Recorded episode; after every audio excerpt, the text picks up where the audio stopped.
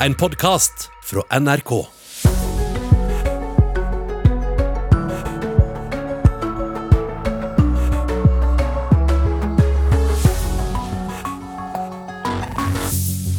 Her i Nyhetsmorgen blir det straks mer om at unge ned til 15 år blir plasserte på glattcelle i over et døgn. Stefan Löfven kan igjen bli statsminister i Sverige, men det blir ikke enkelt for han å styre den svenske skuta videre. Vi skal snakke om hva skjær som finnes i sjøen. Og Arbeiderpartiet sin 100-dagersplan kommer ikke til å føre til flere jobber, mener Høyre, som etterlyser konkrete virkemidler for å skape arbeidsplasser. Hei, alle sammen. I dag så tenker jeg at vi skal prate litt om orgasme. Er du en av mange som liker å høre på podkast? Mange podkaster har vært gratis til nå, men blir flytta bak betalingsmur i løpet av det neste halvåret. Og Nyhetsmorgen gir deg også alt du trenger å vite før den første semifinalen i fotball-EM i kveld. Vi er kommet fram til tirsdag 6. juli. Her i studio, Silje Sande. Flere mindreårige barn ble plassert på glattcelle i over 24 timer i fjor enn det som var tilfellet året før. Det trass i at politiet tok hånd om færre barn totalt. Praksisen med å sette barn på glattcelle må endres, det krever Advokatforeningen. Et murgulv, glatte vegger og en plastbelagt madrass. I hjørnet et toalett i form av et rundt hull. I fjor tilbrakte 24 mindreårige mer enn ett døgn på glattcelle i Norge, seks flere enn året før. Dette til tross for at det bryter med FN-regler, og at forskrift om politiarrest her hjemme sier at mindreårige skal slippes ut av arresten snarest mulig og senest dagen etter. Det skal være tvingende nødvendig for at barn skal kunne plasseres på glattcelle. Det er et, en terskel som man sjelden ser i lovgivninga for øvrig, et så strengt krav. Marit Lommendal Sæther er styremedlem i Advokatforeningens forsvarergruppe. De er glad for at antall barn og ungdom totalt som ble tatt hånd om av politiet, gikk ned i fjor, noe som trolig skyldes koronatiden. Men samtidig gikk altså antall mindreårige som satt over ett døgn på glattcelle opp. Det er den største bekymringa, i og med at helserisikoen øker med varigheten på oppholdet i isolasjon. Så er det svært bekymringsfullt at at antallet oversittere øker. Og det er vanskelig for meg å forstå hva som er årsaken til det. Det er jo alltid sånn at vi eh, har som et utgangspunkt at eh, barn ikke skal settes eh, i arrest. Elisabeth Riise leder politioperativ seksjon i Politidirektoratet. Og så er det likevel sånn noen gang at det er nødvendig. De som faktisk settes på celle, og som også låses inn i noen få tilfeller, de er dem som har utøvd den mest alvorlige kriminaliteten. Hvis det er knytta til helg, så er det ikke nødvendigvis noe eh, rettsmulighet eh, innenfor de nærmeste 24 timene. Eller eh, heller ikke noen andre muligheter som kan være mer altså mindre belastende da, for dem. Eh, F.eks. barnevern eller andre ting som, som, er tilgjengelig og har mulighet til å overta dem sånn som situasjonen er, innenfor de 24 timene. Av de 24 ungdommene som satt mer enn ett døgn på glattcelle i fjor, var det seks 15-åringer, sju 16-åringer og elleve 17-åringer. Forsvarergruppen mener at det første som bør endres, er at glattcellene gjøres mindre glatte bare betong og en madrass eh, føles ikke eh, som å behandles som et menneske. Eh, og det reagerer de aller fleste på, særlig barn. Ja, du hørte Marit Lommendal Sæther i Advokatforeningen. Reportere Lars Håkon Pedersen og Kristine Næss Larsen. Stefan Löfven kan igjen bli statsminister i Sverige. Senterpartiets leder sa i går at de vil slippe han til. Dermed har Löfven grunnlag for å danne ny regjering. Riksdagens eh, talmann, Andreas Norlén, som eh, tilsvarer vår stortingspresident, han stadfester at Löfven blir foreslått, og Löfven har takka ja til nominasjon. Og nå står bare att ei avstemming avstemning i Riksdagen. Det måtte mye kompromissvilje til, sa Löfven i går. Även om läget är svårt så är det så att landet behöver en handlingskraftig regering. Det ställer och har ställt stora krav på konstruktivitet, på kompromissvilja, beredvillighet att hitta vägar framåt. Jag vill också påminna om att den majoritet som röstade bort regeringen för eh, några veckor sedan inte har kunnat åstadkomma ett alternativ till den regering som man själv röstade bort. Så nu er vi her igjen. Ja, nå er vi her igjen, sier Löfven. Kommentator i Aftenposten, Therese Solien, god morgen. God morgen. Får Löfven nå det flertallet han trenger, eller har denne regjeringskrisa enda et eh, krumspring i seg? Uh, altså det, er, uh, det, er, litt vanskelig å spå. fordi Én ting er når uh, Stefan Löfven skal stemmes over i Riksdagen på onsdag. Da holder det at han ikke får et flertall mot seg. Det vil si, I prinsippet kan så godt som null stemmer ja for Löfven, men så lenge ikke flere enn 174 stemmer nei, så blir han statsminister. Men problemene kommer nok i november, når budsjettet skal stemmes gjennom, for da trenger han et positivt flertall for å få det banket gjennom. Og det kan bli vanskelig, for nå viser Senterpartiet at selv om de stemmer for Löfven som statsminister, så stiller de med et alternativt budsjett til høsten og går i opposisjon. Så det blir spennende. Ja, hvor viktig blir det nå for Löfven å blidgjøre Senterpartileder Annie Løf? Ja, det, det, er helt åpenbart at det er veldig viktig for ham. Det er kommet eh, ganske store frierier til Senterpartiet fra Moderaterne. Altså, de har snakket om eh, at altså, alle skal få mer. Det skal bli flere politifolk i bygdene, det skal bli flere offentlige tjenester på landsbygda. Og det skal muligens bli lov å bygge i strandsonen. Og nå er dette strandsonepoenget et av de tingene som sosialdemokraterne også er villige til å diskutere. Da. Så de skal nok gjøre sine hoser grønne både her og der. Löfven har jo stadfestet at han igjen vil danne regjering med Miljøpartiet. Hvordan blir den nye regjeringa annerledes enn den som akkurat gikk av? Akkurat det er litt morsomt. Vi har hatt en lignende situasjon her hjemme ganske nylig, da det ble flertall eh, mot byrådet. Altså flertall for et mistillitsforslag mot MDGs Lan Marie Berg.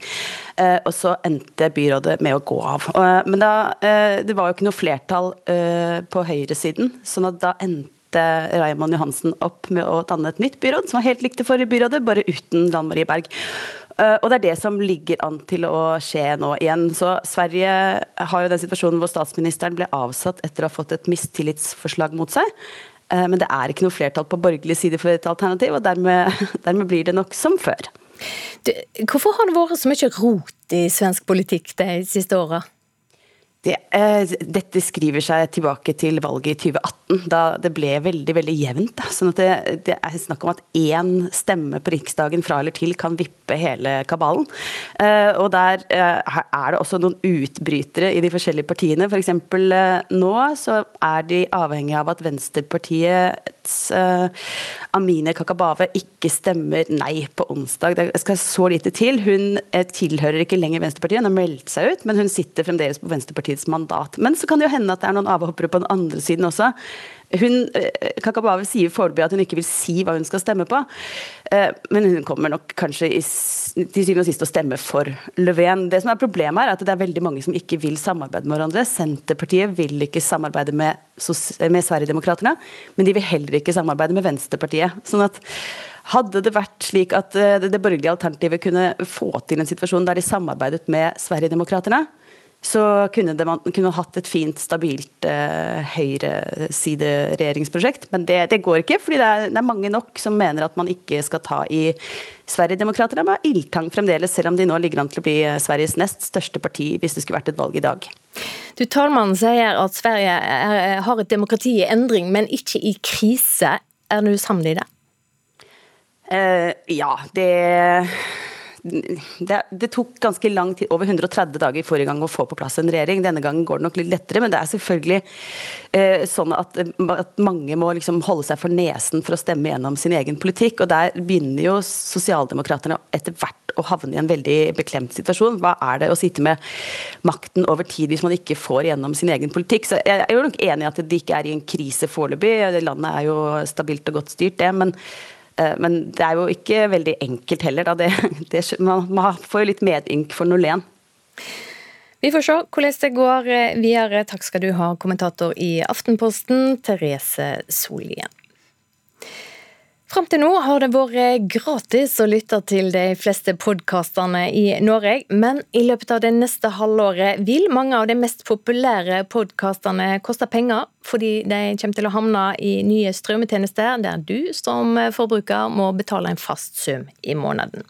Det vil gjøre det lettere for oss som lager podkaster å planlegge økonomien over tid, sier Iselin Guttormsen.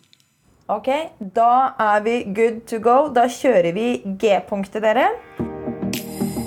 Sexolog Iselin Guttormsen tar på seg hodetelefonene, retter på mikrofonen og starter innspilling av sin populære podkast G-punktet. Hei, alle sammen. I dag så tenker jeg at vi skal prate litt om orgasme. For dette rammer oss alle. Hver uke lytter rundt 100 000 mennesker til prat om sex og samliv. Podkasten er gratis og er finansiert av annonsører. Men fra høsten av må lytterne betale. Når jeg også ser at de andre store podkastene gjør det, så er det naturlig for meg å også gjøre det. Eh, er du ikke da redd for å miste mange lyttere? Jo, jeg er redd for å miste lyttere. Men hennes podkast er bare en av mange podkaster i Norge som fra høsten av forsvinner bak betalingsmur. Det betyr at du som forbruker må betale en fast månedlig sum for å få tilgang til en strømmetjeneste der flere podkaster ligger. Samme konsept som de fleste kjenner fra f.eks. Netflix. Det gjør at vi kan investere i mer godt eh, innhold, eh, og at podkasterne får eh, flere inntekter. Sier Fride von Porat, sjef for Podimo, en av flere nye strømmetjenester for lyd som vil dukke opp i Norge snart. Dette er også plattformen der Iselin Guttormsen sin podkast G-punktet vil holde til. Vi ser at lydmarkedet er i enorm vekst eh, globalt, og også i Norge. Eh, folk lytter mer og mer til podkast. Det er riktig. Podkastlyttingen øker i Norge. Tall fra Norstat, bestilt av Norges største podkastaktører, viser at nesten hver tredje nordmann lytter til podkast minst én gang i uken. Rapporten som kom i januar, viser også en liten økning i folks vilje til å betale for podkaster. Men over 60% hører aldri eller sjeldnere enn én en gang i måneden på podkaster. Hvordan kan dere likevel være så sikre på at dette er en god idé? Vi tror jo at dette her er veldig tidlige dager eh, for lyd som et mediehold, som blir viktig for eh, mange folk, og det kommer fortsatt til å vokse. og Derfor har vi veldig tro på det. Forteller Siv Juvik Tveitnes. Hun er konserndirektør i Schibsted, selskapet som bl.a. eier VG og Aftenposten. Senere i år kommer også de med en egen podkasttjeneste som skal tilby eksklusiv tilgang til flere av landets største podkaster, mot en månedlig sum. Hvis folk skal ha Netflix-abonnement, HBO-abonnement, Spotify-abonnement, Storytel-abonnement, hvorfor skal de også bruke penger på dette? Vi har veldig tro på at hvis du har det riktige innholdet, eh, har høyt kvalitetsinnhold, har det innholdet som folk eh, vil ha, i kombinasjon med en god produktopplevelse, de tingene der tror jeg gjør at vi kommer til å ha et konkurransefortrinn i den konkurransen som er der ute. For konkurransen blir beintøff. Store internasjonale aktører som Spotify og Apple har nylig starta egne betalingsløsninger der folk får tilgang til verdens største podkaster. Vi snakker navn som Michelle Obama, Kim Kardashian og ikke minst klodens mest kjente podkastprofil, Joe Rogan. Why are we here? What are we? Let's find out.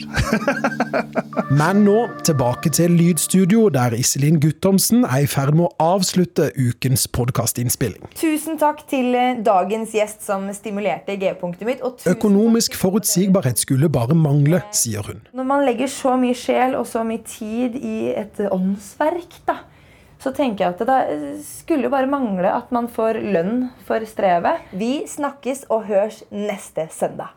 Ha det bra så lenge! Reporter her Christian Ingebretsen.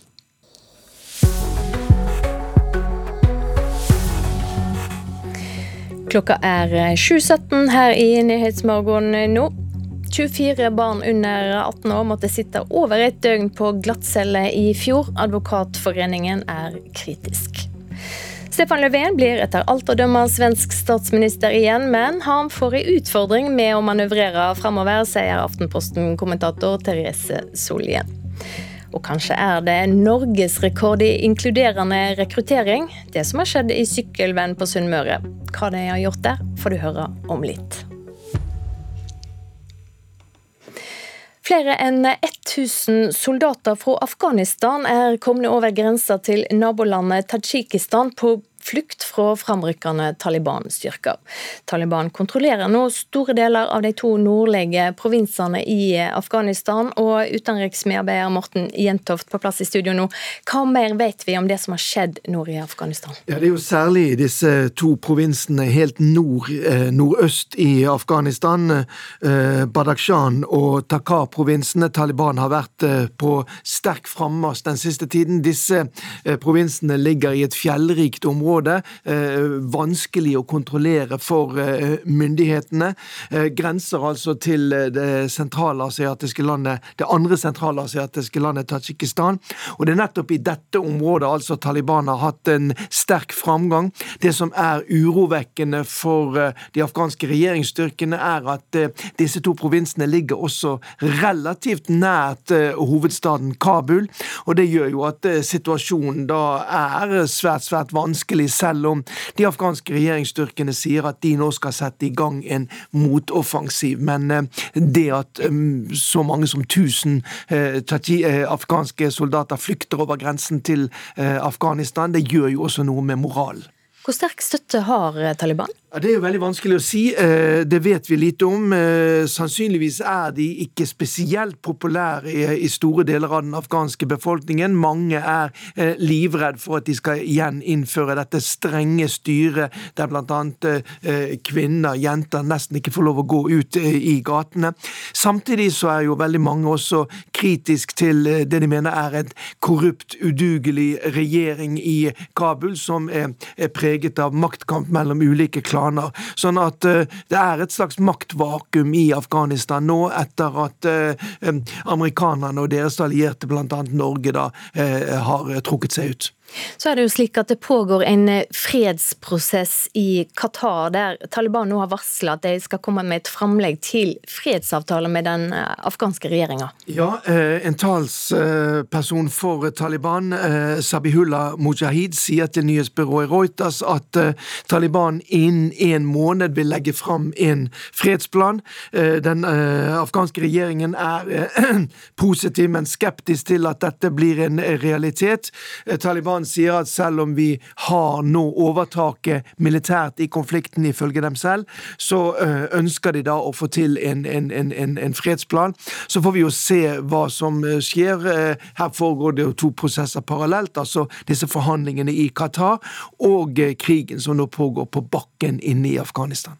Du har vært i dette området nord i Afghanistan. Hvordan er det der? Ja, Det er jo dette området langs denne Panch-elven. Eh, det er eh, et, et, eh, område der det tradisjonelt har vært tett kontakt over grensene. Her bor jo de etniske folkegruppene på begge sidene av grensen.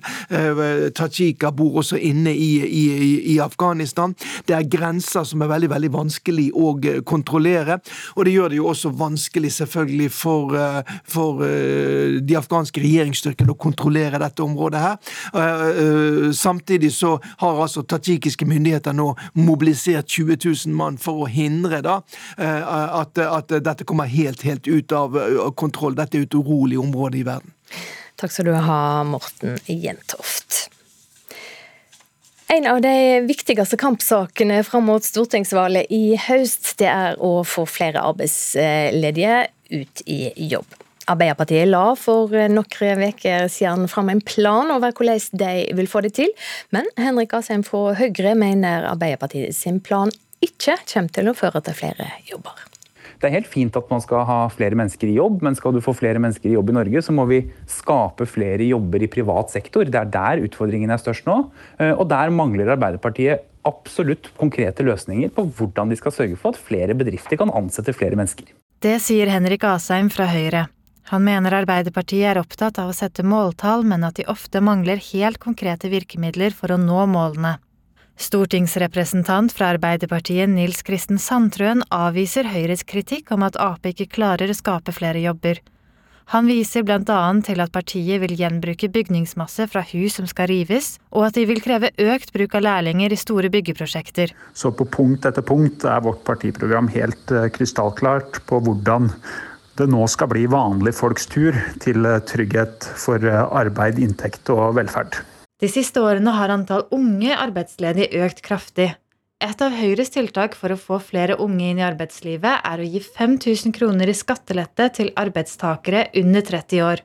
Asheim mener dette vil gjøre at det lønner seg mer for unge uføre å jobbe. Altså, Vi vet at for mange av de som er unge og som står eh, helt eller delvis utenfor arbeidslivet, så vil det også være viktig at det lønner seg ekstra godt å komme i jobb. Jeg tror vi skal huske på at Mange av de lønnsmottakerne vi snakker om her, som er under 30 år og ikke har høy lønn, det er jo ofte unge som uh, trenger alt det handlingsrom de kan for å få det til å gå opp, men også et ekstra insentiv for å kanskje jobbe litt mer kombinert med de ytelsene man går på. Til Høyres forslag om å gi skattelette til unge arbeidstakere sier Sandtrøen at dette kun vil belønne dem som allerede har en jobb. Vi vil jo tvert imot inkludere dem som i dag står utafor. Andelen i arbeid har falt som en stein under Solberg-regjeringa. Og Derfor så vil vi i Arbeiderpartiet helt konkret sørge for at lønnstilskuddene blir større, sånn at det blir eh, attraktivt for bedriftene å ta inn flere. Eksport av varer til utlandet er et viktig grunnlag for flere arbeidsplasser. Høyre og Arbeiderpartiet er enige om at eksporten må øke i fremtiden. Ja, det er klart Vi må jo først og fremst se på hvilket overskudd vi har fra handel med utlandet. Men vi trenger også å få eksportert mer. Det er jeg helt enig i, og er, det sier jo Arbeiderpartiet også. Men Arbeiderpartiet stopper der, for de har ikke noen tiltak for å nå det. Det er jo helt uh, feil. For det første så har uh, underskuddet til Norge utenom olje- og gasseksporten aldri vært større enn den er nå. Men dette kommer vi til å snu, og alle de konkrete punktene i vårt partiprogram underbygger dette. Reporter her Andrea Ånestad. Et eh, samarbeid mellom Nav, flyktningetjenester i kommunen og en møbelfabrikk har vært svært vellykka i Sykkylven på Sunnmøre. Nesten alle som har hatt yrkespraksis på fabrikken, har enda opp med å få fast jobb. Ahmed Arabi kjører symaskiner på full guffe på Ekorneset møbelfabrikk i Sykkylven. Han fikk fast jobb i bedriften etter at han var der på praksis i tre måneder. Å sy er ikke Ahmed ukjent med. Han arbeidet nemlig som skredder før han kom til Norge som flyktning. Skredder som syr klær, ikke syr møbler. Så det er stor forskjell mellom det. Men uh, jeg, jeg synes at uh, det i Norge alltid er muligheter. Men Ahmed Arabi er ikke alene. Han er en av mange som har fått fast jobb i Ekornes de siste fire åra. Gjennom et samarbeid med flyktningtjenester i Sykkylven kommune og Nav har de hatt 92 personer inne på praksis, og 87 av disse har nå fått fast jobb. Jeg vil jo beskrive det som en suksesshistorie både for bedriften Eh, for de som er blitt ansatt, og for Nav og for samfunnet. Det sa fylkesdirektøren i Nav Møre og Romsdal, Stein Veland. For møbelbedriften Ekornes betyr det mye at de som kommer for opplæring, blir værende. Det er ganske omfattende opplæring, og vi bruker mye tid på opplæring og kostnader for å lære opp hver enkelt. Så vårt ønske er at de skal etablere seg her nå, eh, stifte familie her og bli en varig arbeider og få en stabil arbeidsstokk. Det sa Per Kjetil Våtmyr i Ekornes. Både Ahmed og kona har nå fått fast jobb i Sykkylven, og de planlegger å kjøpe seg leilighet og etablere seg i Sunnmørsbygda. Vi, eh, vi, nå jobber jeg og kona mi. Kona mi har fått fast jobb her også, så nå kan vi begynne å spare. Ja. Reportere Solveig Nyhus Aksnes og Per Ivar Kvalsvik. I kveld er det klart for den første semifinalen i EM i fotball. På hver sin banehalvdel i kveld står de to fotballstormaktene Italia og Spania.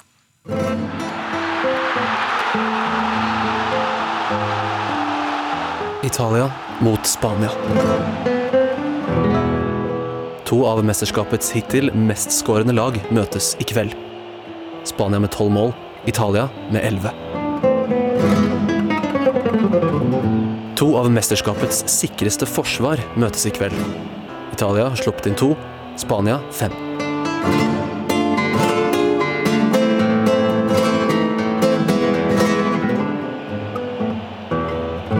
Det er aldri sikkert hva utfallet av en kamp som denne blir, men vi kan spole litt tilbake og se på lagenes vei til semifinalen. Italia har pløyd gjennom gruppespillet. 3-0 mot Tyrkia i åpningskampen, 3-0 mot Sveits, 1-0 mot Wales. I åttendedelsfinalen slår de ut Østerrike 2-1 og slipper inn sitt første mål i mesterskapet.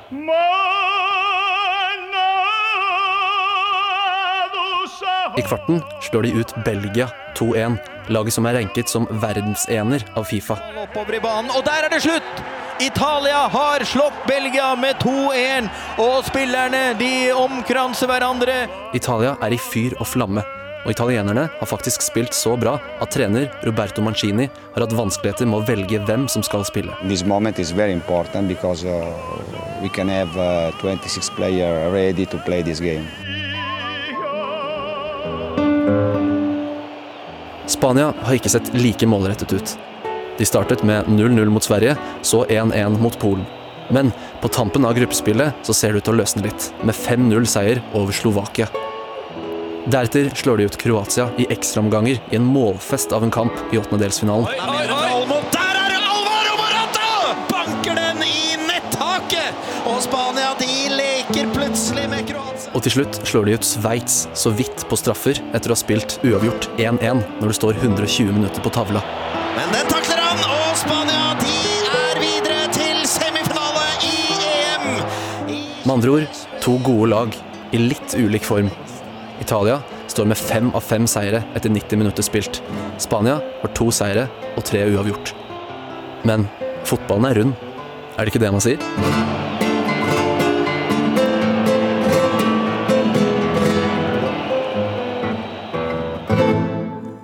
Reporter Tormod Brekke Øye. Og semifinalen kan du følge på radio på NRK Sport og TV2 på TV i kveld klokka 21.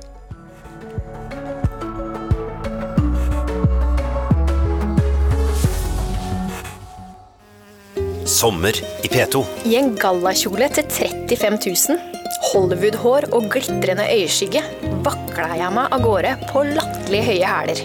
Det eneste jeg tenkte på, var at jeg ikke måtte snuble. Jeg heter Linn Jeanette Kyd, er serieskaper og manusforfatter, og forteller i Sommer i P2 om min noe humpete vei fra bygda Ulefoss til den røde løperen på Oscar-utdelingen i Los Angeles. Sommer i P2. I dag klokka ni.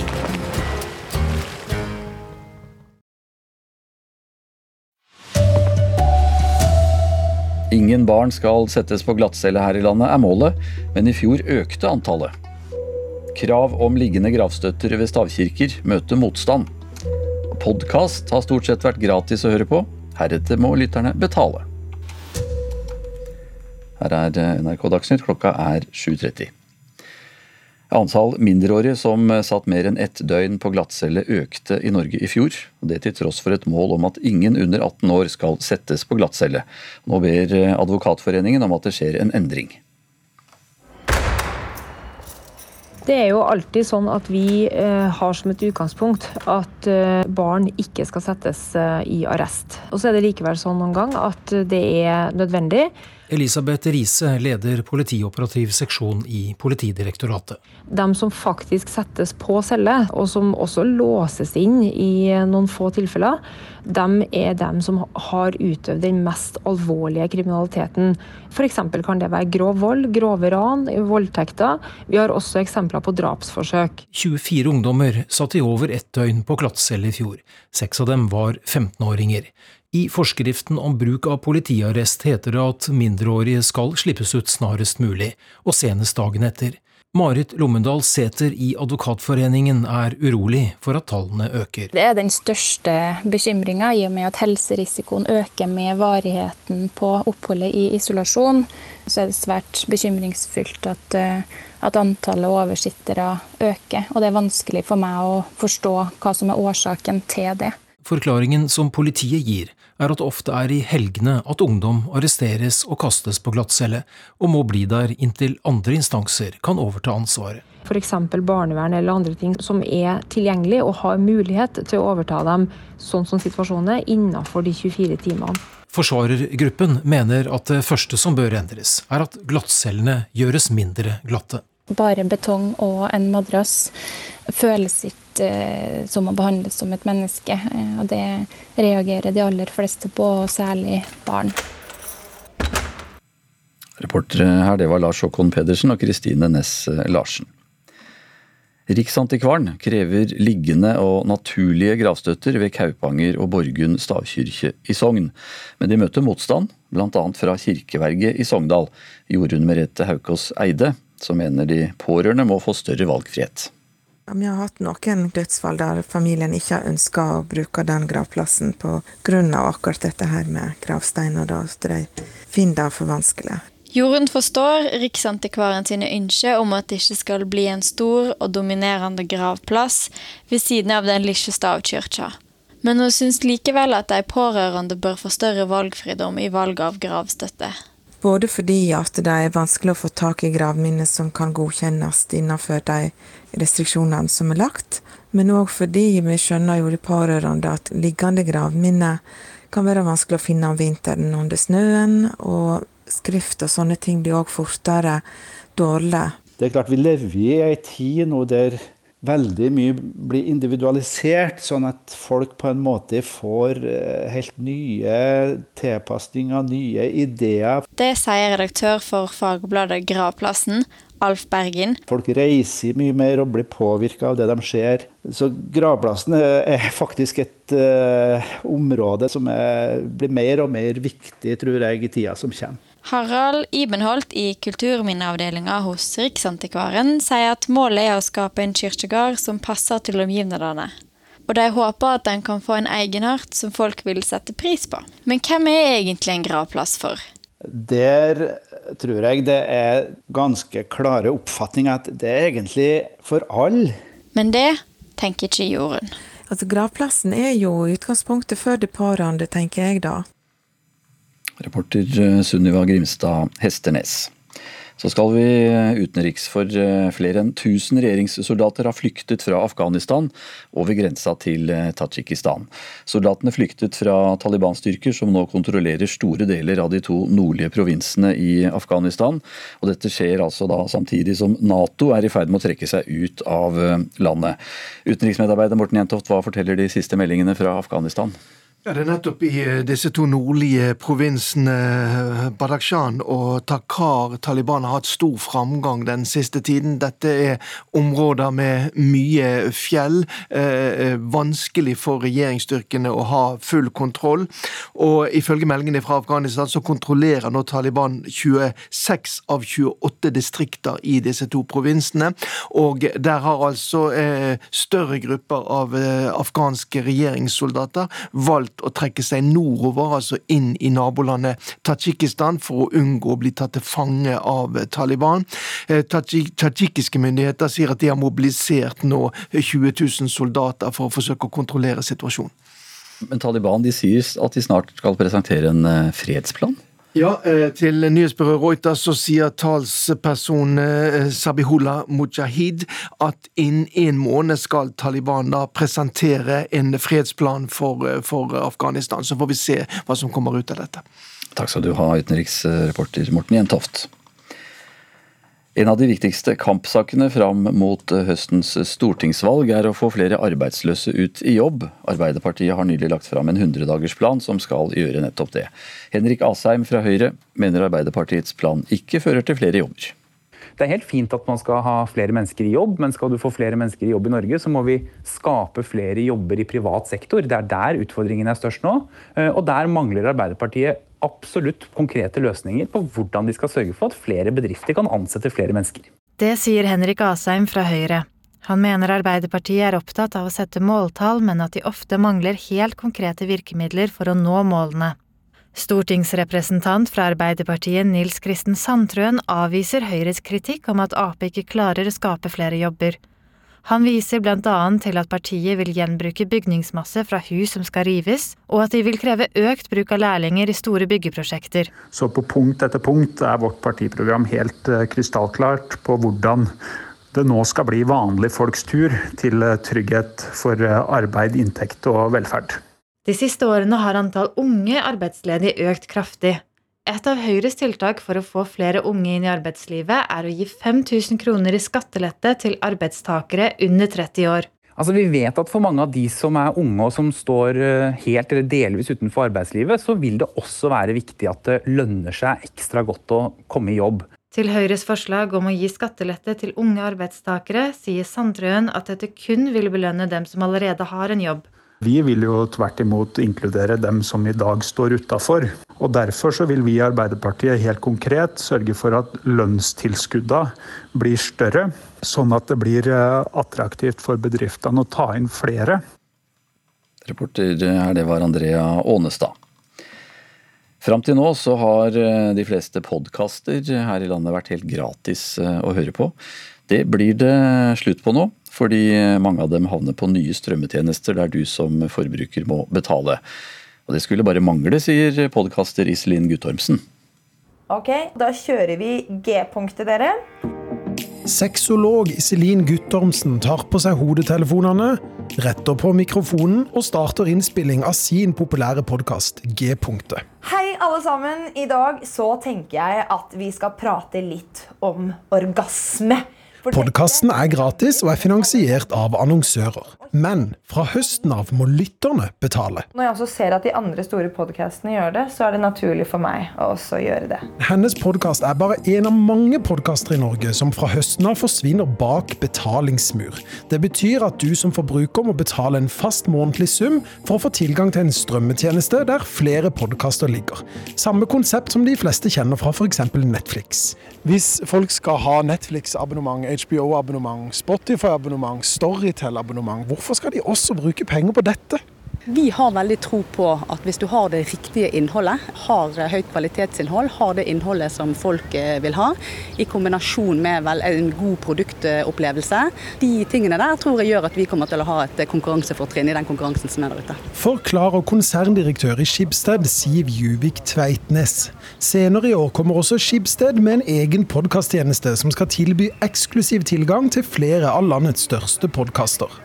Hans Petter Nygaard Hansen er kommunikasjonsrådgiver og følger bransjen tett. Når såpass mange store norske podkastere flytter seg fra de tradisjonelle kanalene til nye, så kan det ha betydelige endringer i markedet fremover. Vi snakkes og høres neste søndag. Ha det bra så lenge! Ja, det var det Iselin Guttormsen, podkaster, som sa. Reporter Christian Ingebretsen. Ulf Tannes Fjell har ansvaret for NRK Dagsnytt i dag. Jeg heter eh, Anders Borgen Werring.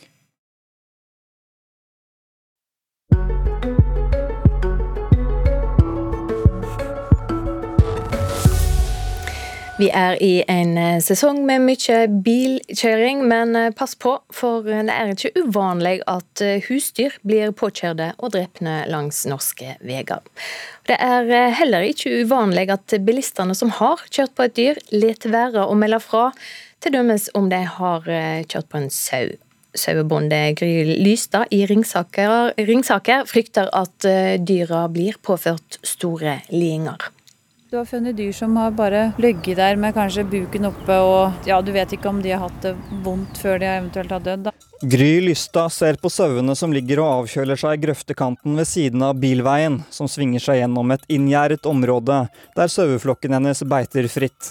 Men på den tilsynelatende idylliske skogsveien har det de to siste ukene blitt blodig, opptil flere ganger. De lokale bøndene har sett en dyster utvikling i antallet påkjørsler. Det er jo ja, er det tre lam nå siste to ukene som er funnet mm, påkjørt, ihjelkjørt. Der eh, En av tilfellene var bileier og sa ifra med en gang. og Ordna opp. Og de to andre, der var det andre folk som oppdaga det. Det er for så vidt et problem at det ikke blir, blir gitt beskjed når slike ting skjer. Det sier Per Joar Nestun, som er leder i Norsk sau og geit. Og ifølge han er det faktisk slik at de fleste kjører videre uten å melde fra om uhellet. Det er nok kanskje mer uh, unntaket som sier fra en regelen, dessverre. Jeg vet ikke, Det er nok en del som tror det at de kan bli erstatningspliktige, eller at det er uh, Ja, at de kan, kan, få om det er bonustap eller hva det er. Men det er jo slik at kjører du på vilt eller, uh, eller beitedyr, så er du, du både slipper bonustap på bilen, og du, du får jo dekket av forsikringa på bilen. Så det er jo ikke noe annet enn papirarbeid, sånn sett. Og nettopp det at tilfellene ikke blir meldt fra om, gjør det vanskelig for bøndene. Går jo vi da på høsten og sanker de, og så savner vi dyr, og så vet vi ikke hvor de er. og så, ja. Så det er litt vanskelig å finne de helt sånn fort med en gang, da. Gry har 50 sauer og 104 lam ute på beiteområdet. Og den siste gangen hun mistet et lam i trafikken, opplevde hun et heldig unntak, der sjåføren meldte fra om sammenstøtet. Den som skjedde for ca. 14 dager siden, var, han var veldig ærlig og sa ifra. Han hadde kjørt på et lam, og det døde momentant. Og han ringte umiddelbart og tok ordentlig ansvar for handlingen sin, så det er et veldig bra eksempel. Og hun trekker fram et typisk scenario som fort kan føre til at det smeller i bilen. Det er ofte sånn at de går og beiter på hver sin side av veien, og så går mora på den ene og lammet på den andre. Og så når det kommer en bil, så skvetter kanskje de lamungene som ikke er vant med den trafikkduren, og så hopper de kjapt ut, og da er, da er, det vanskelig å unngå å treffe. For de kommer veldig fort. Så da er det viktig å forholde seg til den fartsgrensa som er, da, og den er 60 km i timen. Men kan ikke bøndene gjøre mer for å forhindre slike påkjørsler?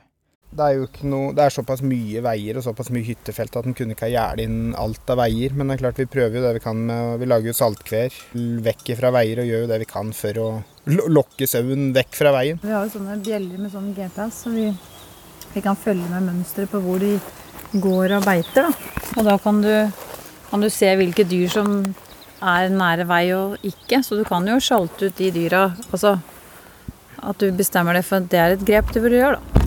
Og til alle som skal ferdes på veier der det er beiteområde, kommer de med en oppfordring. Så Det som er viktig, er å tenke at uh, ser du en sau, så se på begge sider og senk farten og vær sikker før du kjører, da. Ja, det sa sauebonde Gry Lystad i Ringsaker til reporter Jørgen Ba Nesse.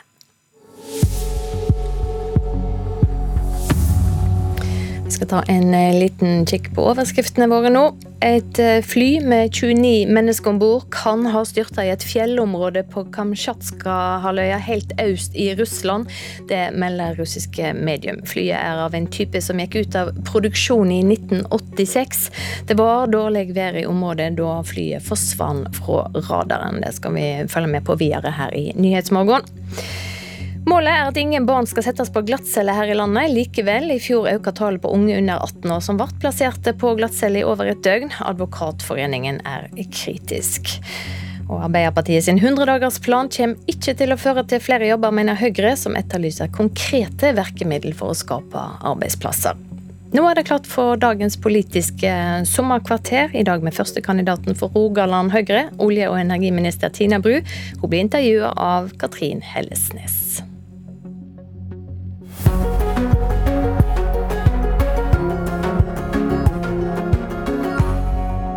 Når det liksom går opp for deg at uh, du tror ingen vet hvem du er, og så viser det seg etterpå at jo da, de har visst hvem du er. Da tenker du hva snakket jeg om, hvordan oppførte jeg meg? Du blir veldig selvbevisst, da, og det, det liker jeg ikke så godt, egentlig. Tina Bru, olje- og energiminister, andre nestleder i Høyre og førstekandidat for Rogaland Høyre. Hvem er din favorittpolitiker på rød-grønn side? Oi, vanskelig spørsmål. Men jeg har eh, tidligere sagt at det er Marit Arnstad, så jeg holder meg til det. Hva har vært det mest positive for deg under uh, koronapandemien? Jeg er jo småbarnsmamma. Jeg har en sønn på to og et halvt år. Og jeg så jo for meg når jeg ble olje- og energiminister at jeg skulle få ganske lite tid med han. Det har ikke vært riktig. Jeg har fått masse tid med han. Så det har vært en positiv ting med korona. Vi møtes på uteserveringen på Grand Café på Karl Johans gate i Oslo. Litt folkeliv og stemning må vi ha, tenkte journalisten.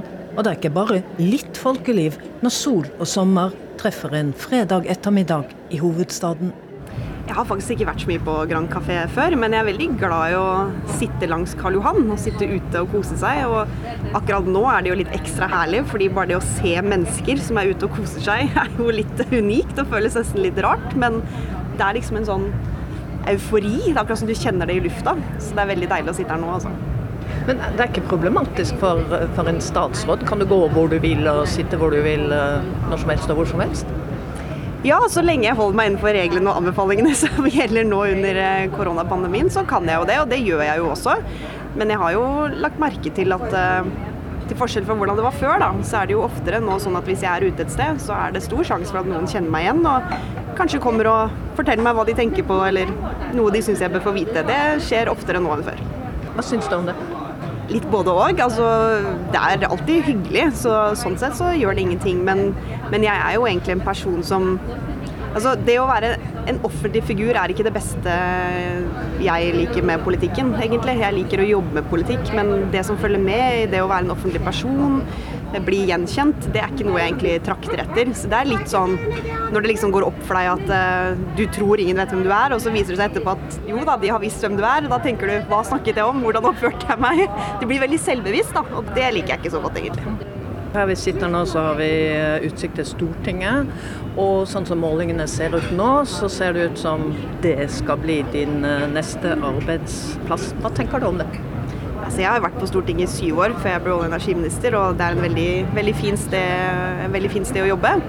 Så eh, det skal nok gå bra hvis det er det som skjer, men samtidig så så ikke målingene sånn kjempepositive ut på denne tiden i 2017 heller, og allikevel så vant vi valget. Så jeg har alle intensjoner om at vi skal vinne valget, og at jeg forhåpentligvis kan fortsette som statsråd. Oljeboring er et politisk minefelt. Høyres regjeringspartner Venstre går inn for at det må bli slutt på nye olje- og gasslisenser. Også KrF vil stramme inn. Det er ikke aktuell politikk for Høyre, og like før sommeren la regjeringen fram en stortingsmelding som slår fast at tildeling av nye leteområder skal fortsette.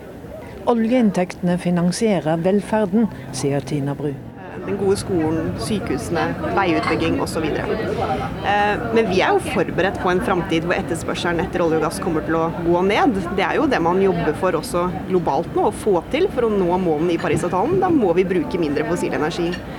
Og så vet vi jo at eh, norsk sokkel er nå i en mye mer moden fase enn det som var tilfellet før. Vi forventer jo at produksjonen kommer til å falle med opp mot 65% innen vi er i 2050. Eh, og vi fører jo en aktiv politikk eh, innenfor rammene av klimapolitikken for å nå de eh, målene, også når det gjelder olje og gass. Så vi jobber for å kutte utslipp på sokkelen. Vi har høy CO2-pris på utslipp der, og omstillingen kommer også på sokkelen. Det er det ingen tvil om. Men samtidig så bruker vi jo ganske mye penger, f.eks. i det skatteforliket som var nå i forbindelse med koronaen. Er du overhodet ikke engstelig for at vi legger veldig mange egg i én kurv? Vi bruker jo ikke penger på dette. Dette er jo penger som kommer tilbake i form av skatteinntekter. Og stort sett så betales også prosjektet på sokkelen ned veldig raskt, og så går det bare i pluss. Eh, og vi har robuste prosjekt på norsk sokkel. De tåler også en ganske lav oljepris for å være lønnsomme. Men dette er jo noe vi må være opptatt av hele veien. Men nei, jeg frykter ikke at vi skal bygge ut ting på norsk sokkel som ikke er lønnsomme, eh, og som blir tapsprosjekt for eh, AS Norge. Det har jeg ingen tro på. Og oljeselskapene er like opptatt som det vi er av å også tenke over og se på utviklingen innenfor klimapolitikken. Hva de tror om framtidens oljepris. Men det er nå engang sånn at eh, fortsatt så bruker verden mye fossil energi. Det kommer man til å gjøre i mange år fremover, eh, også etter vi har nådd målene i Parisavtalen. Og da er jo spørsmålet hvem skal få lov å være med å levere til det markedet. Og jeg mener at norsk sokkel er godt posisjonert til å gjøre det, fordi vi har lave utslipp. Vi skal ha enda lavere utslipp i framtida. Og vi har robuste prosjekt som tåler en ganske lav oljepris. Havvind er en annen industri statsråden gjerne snakker varmt om. Hun avviser kritikken som handler om at regjeringens satsing er for lite ambisiøs, og at Norge kan havne bakpå. For havvind kan bli stort. Ikke like stort som olje og gass, men viktig for Norge.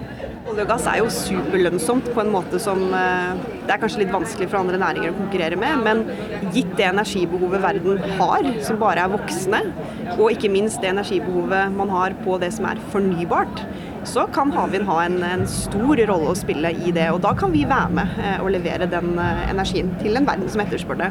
Og vi òg bruker jo stadig mer fornybar kraft, bl.a. for å kutte våre egne utslipp her i Norge. Så at det kan bli stort, absolutt, men det vil jo være i stor grad også en eksportnæring for Norge. Det er jo mitt mål, at vi skal kunne levere varer, tjenester inn i den verdikjeden globalt. Eh, fordi vi er veldig gode på dette fra før. Vi har masse kompetanse på dette takket være våre petromaritime næringer og de mulighetene som ligger der. Det har vært det er mye motstand mot uh, vindkraft på land, og du har spådd at uh, det kan bli kanskje enda mer uh, motstand mot havvind. Hva er det du tror kan skje? Så jeg tror det er viktig å trekke på de erfaringene vi har gjort oss med vindkraft på land, hvor det var et veldig veldig politisk driv for å få mer utbygging av vindkraft på land på tvers av alle partiene. Og Det er litt der vi også nå er med havvind. Så hvis vi ikke gjør dette på riktig måte, og ikke sørger for å å ha med folk underveis i prosessen, og at vi sikrer f.eks. god sameksistens mellom en voksende havvindnæring og de andre næringene som også eh, bruker og benytter seg av havet, så vil vi mislykkes. Og Derfor har vi også lansert eh, et samarbeidsforum for havvind, hvor vi skal samle interessenter, samle aktører, eh, for å også være i forkant av konfliktene som kan oppstå. Men det er viktig å huske på at nesten all energiutbygging er konfliktfylt. Det har alltid vært konflikt. Eh, det er kanskje noen som ikke husker det så godt nå lenger, men Alta-utbyggingen i sin tid f.eks. og den store vannkraftutbyggingen i Norge var også veldig konfliktfylt. Så her må vi egentlig bare sørge for gode prosesser. Vi må sørge for å involvere de som blir berørt, for å få dette inn på et godt spor, sånn at vi ikke får den backlashen som vi jo har fått med vindkraft på land. Altså det handler bl.a. om hensynet til natur og naturressurser versus uh, kraftbehov og klima. Syns du det er en vanskelig balansegang sjøl? Det er en vanskelig balansegang, fordi uh, jeg tror ikke det finnes noen som ikke er for at vi skal ta bedre vare på naturen vår, eller som ikke er bekymra for det arealpresset vi også ser. Men samtidig så skal vi nå noen klimamål hvor vi vet at den fremste tingen vi har for å få til det, er mer fornybar energi. Eh, og da må man også produsere mer fornybar energi. Du må ha et nett som får den energien fram dit den trengs. Og det igjen fører ofte til naturinngrep. Så den balansen, å klare å, få til begge deler, eh, vil aldri bli perfekt. Men vi må klare å ha to tanker i hodet på en gang. Og sørge for at vi har prosesser og dialog som gjør det mulig, og at vi klarer å, å få den forståelsen også blant folk da, for det, den formidable oppgaven vi har foran oss med å nå de klimamålene vi har satt. For det kommer til å bli veldig krevende.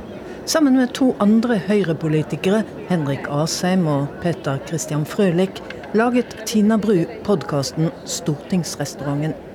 Da to av dem ble statsråder, ble podkastserien avsluttet. Men det ble laget en spesialepisode til Høyres landsmøte i vår. Et oppslag i VG om Tina Bru var ett av temaene. Dette har Tina plantet. Helt selvfølgelig. sånn, hvis du Kan ikke du nevne et eller annet? Jeg skjønner ikke hva du har gjort det, for å få Fabian Stang til å lansere deg, deg som leder av Høyre. Nei, jeg syns altså, altså. det var altså- sjukt selv, for å si det sånn. Ja. jeg ble helt sjokkert, tatt på senga. Visste Nei, ingenting om dette. Ikke.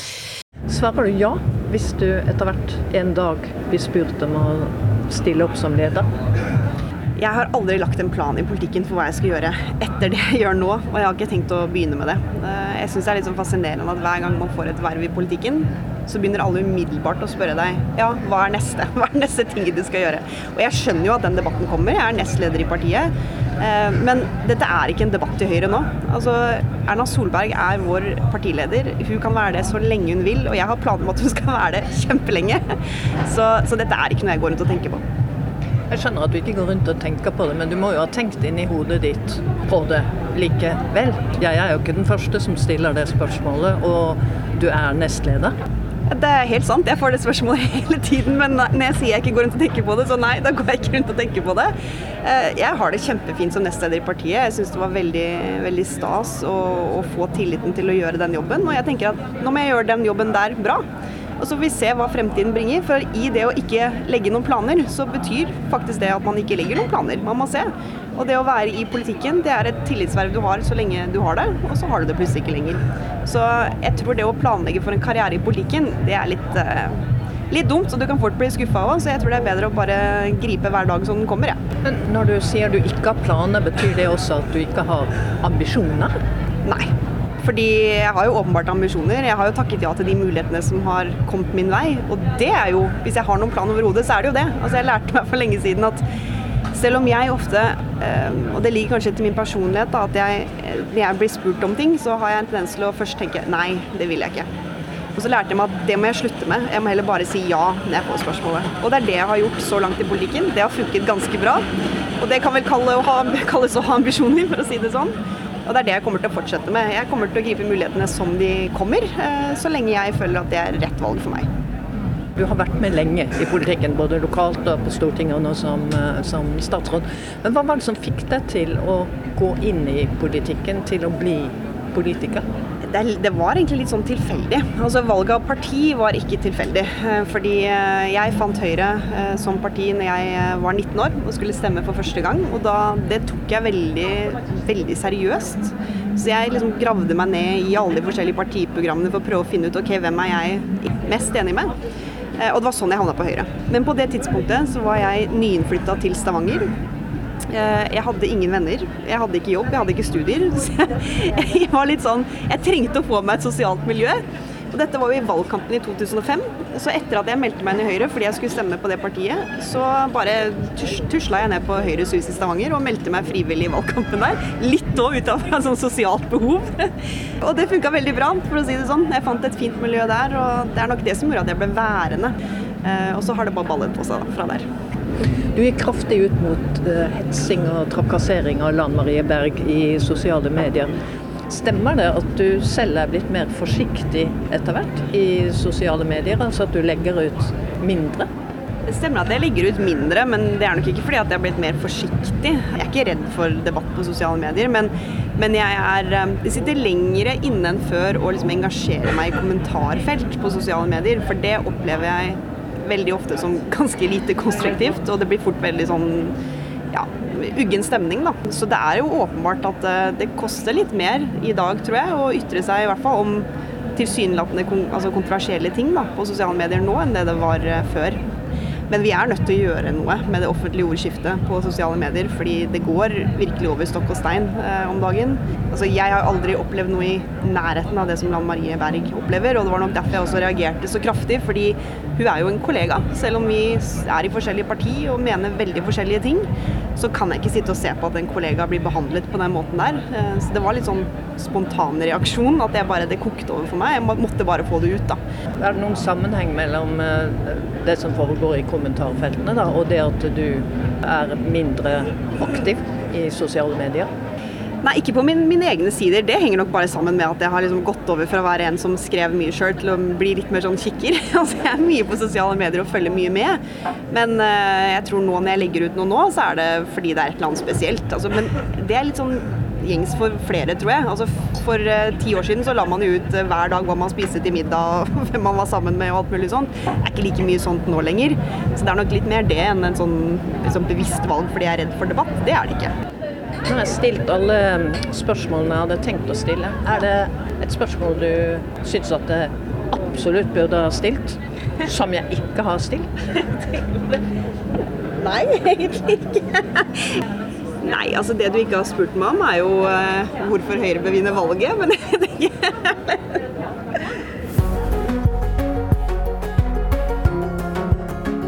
Du har hørt en podkast fra NRK. Hør flere podkaster og din favorittkanal i appen NRK Radio.